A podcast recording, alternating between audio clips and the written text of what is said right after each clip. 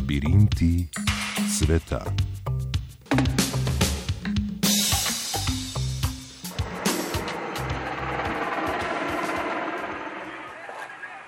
Komaj da so si od rušilnega poplavnega šoka in uničenja opomogli prebivalci Nemčije in Belgije, že so katastrofalni požari prizadeli območje Balkana, ki ga je zajel zgodovinski vročinski val. Zlasti v Gršiji ne popušča že več kot teden dni. V srednjem delu države in na Peloponezu bodo visoke temperature okrog 46 stopinj Celzija še vse do konca tedna. Podobno je na otoku Rodos, pa tudi na jugu Turčije in v Bolgariji. Najbolj katastrofalni požari v minulih 30 letih so pustošili le 20 km od Aten. Na delu je bilo 500 gasilcev, 150 vozil in v zraku 18 letal in helikopterjev. Nikos Hartalis, namestnik grškega ministra za civilno obrambo. Na območju požara je bilo 45 stopinj Celzija in manj kot 10 odstotna vlaga. Kombinacija ekstremnih razmer je spodbudila nastanek izjemnega vročinskega vala, ki je minuli teden prizadel našo državo. Sunki vetra so dosegli jakost 6 boforov in v gosto poraslem območju je požar ustvaril lastno mikroklimo, ogenj pa se je silovito hitrostjo nevarno razširil na širše območje v neposrednji bližini Aten. Vsak vročinski val, ki se dogaja danes, bo v prihodnosti še bolj intenziven in verjeten zaradi podnebnih sprememb, opozarjajo klimatologi. Prizadeta so mesta in vasi, ljudje, fauna in flora, domače in divje živali, tudi mnogo čebeljih panjev in čebel so pogoltnili ognjeni zublji. Tudi Turčija je zaprosila za mednarodno pomoč. Prebivalka v okolici Bodruma na Egejski obali Turčije. Yangın birden aniden başladı. Nasıl olduğunu halk da anlamış değil. Požar se je naenkrat in nepričakovano razširil. Ljudje sploh niso dojeli, kaj se dogaja. Ne morete si predstavljati razsežnosti ognjenih zubljev. Iz varnega fotelja si je res težko predstavljati pustošenje in tragedijo. Prav tako tudi vse, kar doživljajo vrhunski športniki na olimpijadi v Tokiu. Če se jim sreča nasmehne in ojamejo olimpijsko formo, so uspehi na dosegu roke od tega pa jih lahko loči smola in splet neugodnih okoliščin. Prebegi vrhunskih športnikov na velikih športnih dogodkih, tudi olimpijskih igrah, niso posebnost. Zlasti se je to dogajalo v obdobju hladne vojne, se pravi v zaostrenih odnosih med Zahodom in Sovjetsko zvezo, pa tudi kasneje. Zgodovina olimpijade v Münchnu leta 1972 pokaže, da je bilo prebežnikov 117. Na olimpijadi v Montrealu leta 1976 so za azil zaprosili štirje romunski in en sovjetski športnik. Često so bili prebežniki tudi kubanski športniki.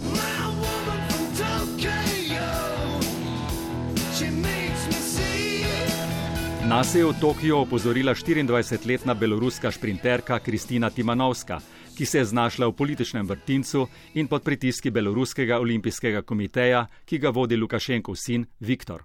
Komitej je lakonično objavil, da mora dekle zaradi slabega čustvenega in psihološkega stanja domov. Poprej so jo nepričakovano in po kratkem postopku uvrstili v štafeto teka 4x400 metrov, kar je zavrnila. Deficitu tekmovalk v reprezentanci je namreč botrovalo dejstvo, da beloruski uradniki niso zagotovili rednega cikla protidopinških testov atletin, vrzel pa so poskusili rešiti prav šprinterko za tek na 200 metrov. Na njo se je v domovini usul gnev uradnih medijev, očitali pa so jo tudi pomankanje ekipnega duha. Juri Mojsijevič, selektor beloruske atletske reprezentance. Когда с ней разговаривал, буквально вчера, пытался спокойно с ней поговорить, и мне это удалось. Ko sem govoril z njo, sem jo hotel pomiriti in imel sem občutek, da sem uspel. Kasneje sem opazil, da je prekinila pogovor. V rokah je vrtela telefon in videl sem, da je nekaj ne da miru. Bila je zbegana in imel sem občutek, da ima v mislih nekaj povsem drugega. Po sklepu trenerjev in Beloruskega olimpijskega komiteja je atletinja v roko ene ure morala pospraviti kavčke in s prvim letalom bi morala odleteti v Minsk. Ker se je na terminalu Haneda javno zbala za lastno varnost, je o tem obvestila pristojne in posledično dobila policijsko varstvo.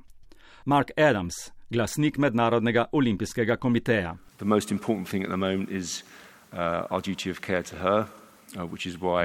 Ta hip je najpomembneje, da atletina uživa ustrezno raven zaščite. Zato smo včeraj tudi govorili z njo in se prepričali, da je noč preživela na varnem in ima zagotovljeno ustrezno zaščito. Z njo bomo še naprej v stiku.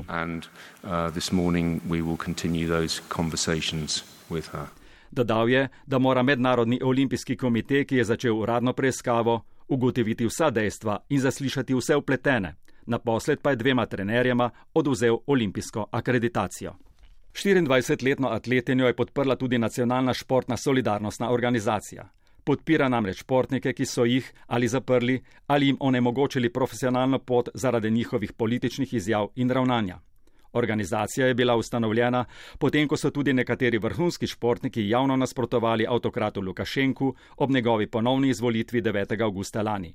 Kot je poročala francoska tiskovna agencija, je tudi Timanovska sopodpisnica odprtega pisma, v katerem je 2000 športnikov pozvala Lukašenka k novim volitvam in izpustitvi političnih zapornikov. Aleksandar Opejkin, direktor Beloruske športne solidarnostne zveze. People, trainers, uh, people Osebe z Beloruskega olimpijskega komiteja, trenerji in celo beloruski minister za šport so izvajali pritiske na Kristino Timanovsko in od nje zahtevali naj zapusti prizorišče olimpijskih iger v Tokiju in odpeljali so jo na mednarodno letališče.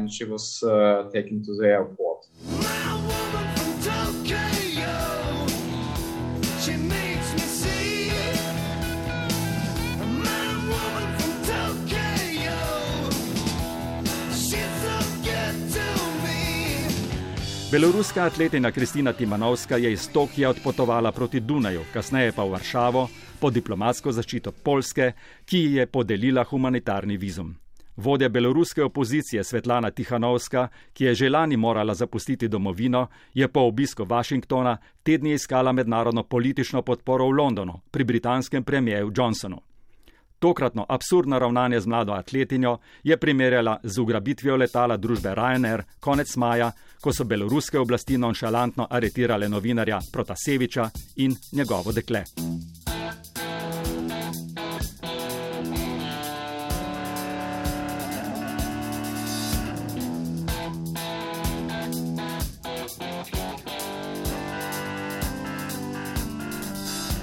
Stopnevanju napetosti z državami Evropske unije prispeva tudi novejša litovsko-beloruska zaostritev glede prehoda migrantov.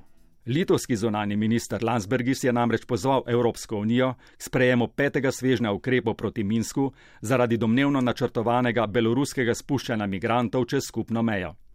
Doslej naj bi bilo takih migrantov več tisoč. Oblasti v Litvi pa opozarjajo, da Belorusija migrante izkorišča kot hibridno orožje. O dejanskem stanju se je hotela prepričati tudi Evropska komisarka za notranje zadeve Ilva Johansson, ki je obiskala glavno mesto Vilno.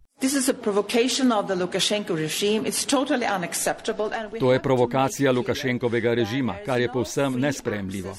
Na glas moramo povedati, da v države Evropske unije pač ni mogoče poljubno vstopiti.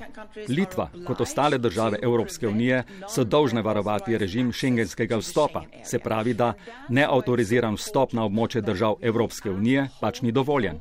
In zato je potrebno povdariti enotno stališče in solidarno z Litvo, da zaščitimo naše skupne zunane meje z Belorusijo. Oblasti v Minsku to vrstne obtožbe zanikajo, z uradno Moskvo pa soglasno opozarjajo, da Zahod proti Belorusiji igra umazano geopolitično igro. Medtem so beloruskega opozicijskega aktivista Vitalija Šišova v torek našli obešenega v parku v Kijevu. Aktivist je pred represijo režima pobegnil v Ukrajino in je tam vodil nevladno organizacijo, s katero je pomagal drugim Belorusom pri begu iz domovine. Ukrajinska policija je sprožila preiskavo zaradi suma umora. Skoraj 11 mesecev po aretaciji med lanskoletnimi protivladnimi protesti se je začelo tudi sojenje vidni predstavnici beloruske opozicije Mariji Kolesnikovi. Zaradi domnevnega poskusa strmoglavljena vlade ji grozi do 12 let zapora. Lukašenkov režim je v letu po volitvah zatrl opozicijo, pregnal nasprotnike, zaprl tudi belorusko združenje pisateljev, pesnikov in publicistov, ki ga vodi Nobelovka Svetlana Aleksijevič in z rusko vojaško, politično in gospodarsko pomočjo še ostaja na oblasti. A na dlani je, da je avtokrat po 30 letih na oblasti in po ukradenih volitvah politično truplo in moralno degradiran.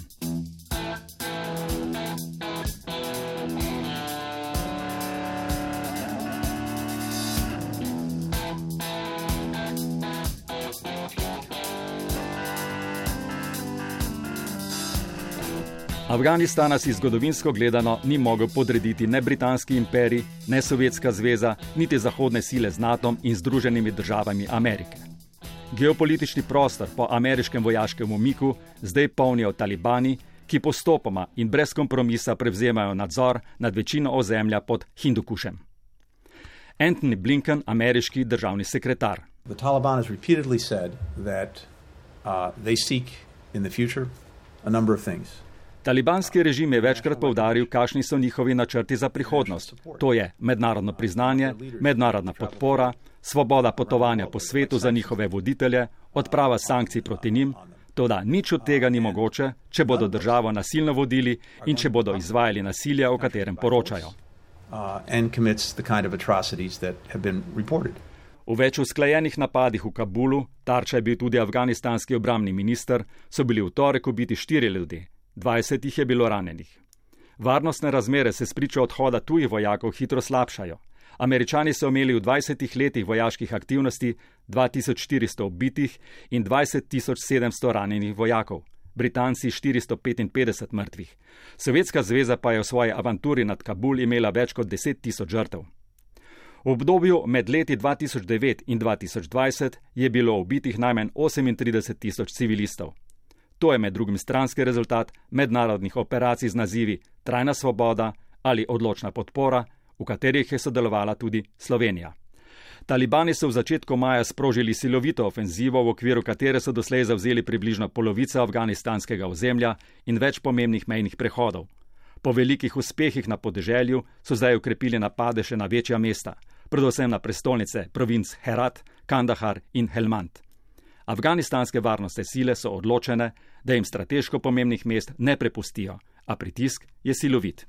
Nemški pesnik Clemens Brentano, sicer predstavnik Heidelberške romantike, je pred dobrimi 200 leti v delu Soldaten katekizmus, vojščakov katekizem, med drugim zapisal: Zdaj si soldat, v boj hodi rad, naj ti bo slast, dožnost in čast.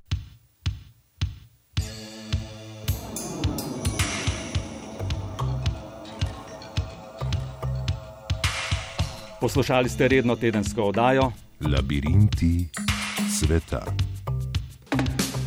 Tonski mojster Vojko Kokot, urednik Matjaš Trošt, avtor Miha Lambrecht.